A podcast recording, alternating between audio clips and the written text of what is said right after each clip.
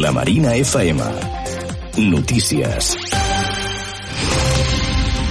Us informa Víctor Recatxa. Nissan tancarà la planta de la zona franca. Segons el diari japonès Nikkei, Barcelona queda inclosa a un pla de reducció de costos per la crisi del virus. És un dels principals centres de Nissan a Europa.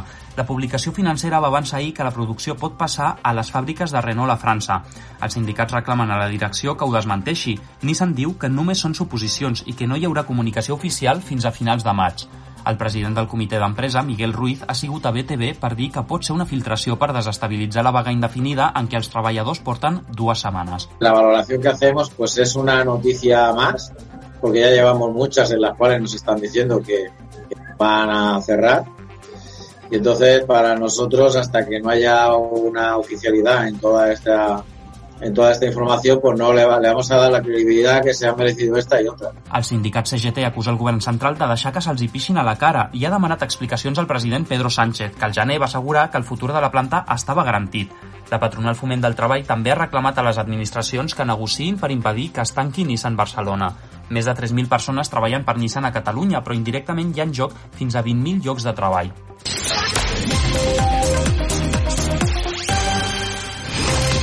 La Generalitat assumeix el control a la residència mossèn Vidal Aunós. Els familiars denuncien 21 morts al centre de la Bordeta, on la majoria dels residents s'ha contagiat de coronavirus.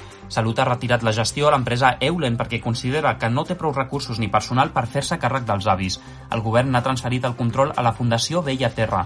El regidor de Sants Montjuïc ha dit que portaven setmanes alertant de la situació i ha destacat que la mossèn Vidalaunós és on més desinfeccions ha fet l'Ajuntament. El Comandament Únic de Salut ha donat resultats, desinfeccions a totes les residències de gent gran i en una fins i tot s'han fet dues desinfeccions, que és la residència mossèn Vidal Aunós. El centre és de titularitat pública i és l'onzè que el govern intervé. La residència està sent investigada per la justícia per presumptes abusos sexuals i maltractes físics a una resident amb Alzheimer. Mentrestant, el número de casos de coronavirus al districte s'estabilitza. El recompte de contagis a Sants Montjuïc ha pujat una mica en els darrers dies, però es queda en els 1.650 positius confirmats i poc més de 4.200 sospitosos. A la Marina hi ha menys de 340 casos confirmats i se sospiten uns 820, la majoria dels quals a la Marina del Prat Vermell.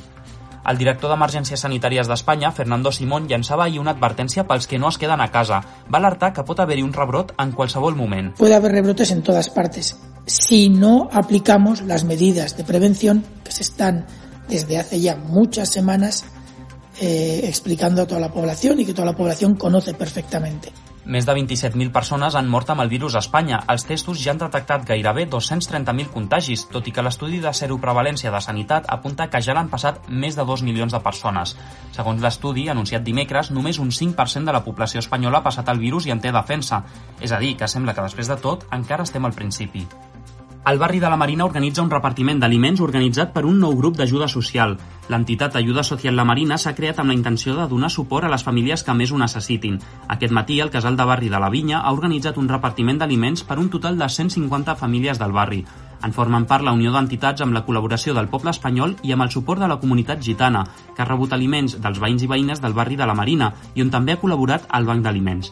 La presidenta de l'Associació de Veïns de Can Clos, la Rosalía Fernández, ens explica com ha estat aquesta iniciativa. Se toca el corazón y dice no nos podemos quedar parados. Somos vecinos, unos a otros nos cruzamos cada día por el barrio eh, y no, no podemos dejar a las familias así. Tenemos que poner manos a la obra. Antes las asociaciones, las entidades nos estábamos dedicando a fiestas culturales y a otro tipo de cosas. Ahora estamos confinados, pero este tiempo lo estamos dedicando a la ayuda social. Hay mucha necesidad. Amb aquesta nova entitat es seguirà oferint ajudar a les persones més necessitades, tot amb el suport dels veïns i veïnes del barri on la solidaritat és cada vegada més important.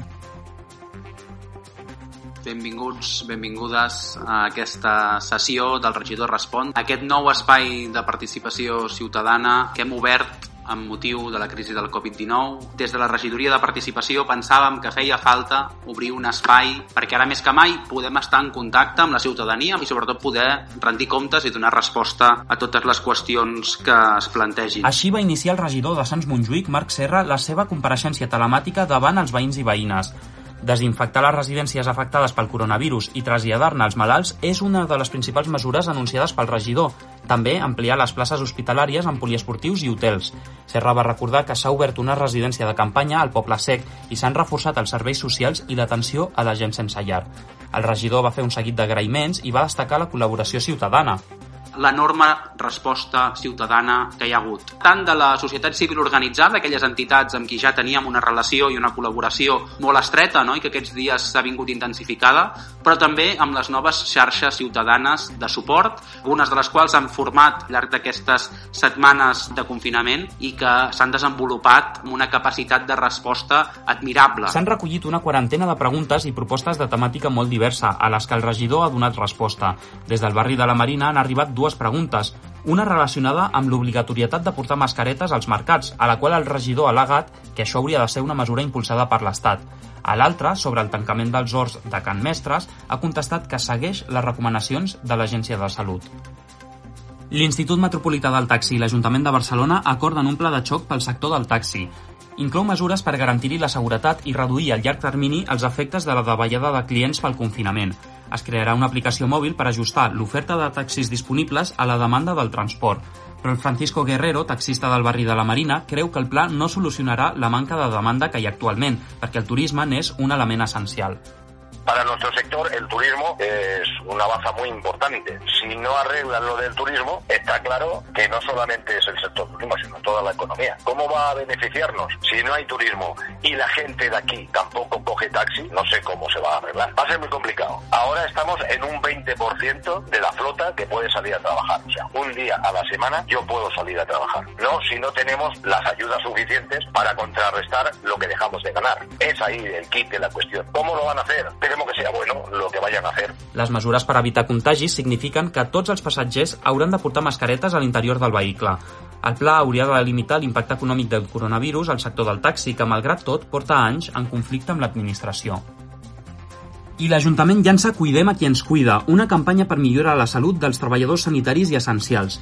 Hola, sóc la Laia Martínez, fisioterapeuta de la xarxa de centres esportius municipals de Barcelona i estic aquí per cuidar-te, a tu que portes tants dies cuidant de nosaltres i que t'ho mereixes més que mai.